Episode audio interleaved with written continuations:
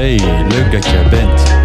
Hier kan je luisteren naar een overdenking, zodat je wat brandstof hebt voor je reis vandaag.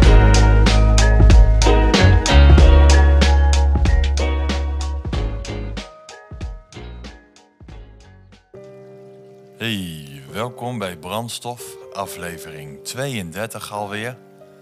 Goed dat je luistert.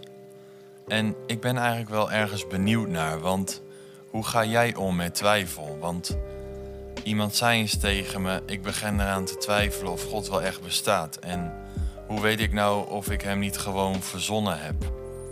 Geloof in God is geen blind geloof.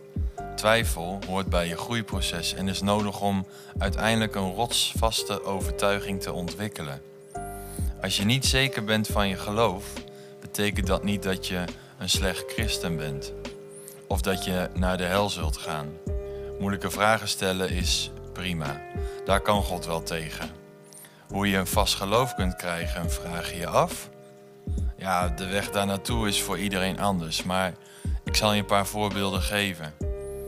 Bijvoorbeeld het heelal, miljarden sterrenstelsels en een universum dat zich constant verder uitbreidt. Waar is het allemaal ooit begonnen?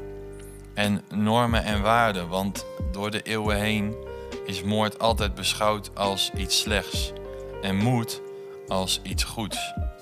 Wie heeft ons zo geprogrammeerd? De Bijbel, die onderzoekt de wijsheid, beleeft de verhalen mee. Het lege graf. Honderden mensen hebben beweerd dat ze Jezus na zijn omstanding met eigen ogen gezien hadden en hielden dat vol tot de dood erop volgde.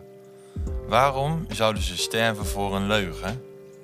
En Jezus, geen enkel ander persoon in de geschiedenis, riep ooit zoveel vragen op, heeft zoveel harten aangeraakt en zoveel antwoorden gegeven. Zou het kunnen dat hij is wie hij zei dat hij was? En denk hier eens over na, want vraag je je af of het mogelijk is om tegelijkertijd te geloven en te twijfelen?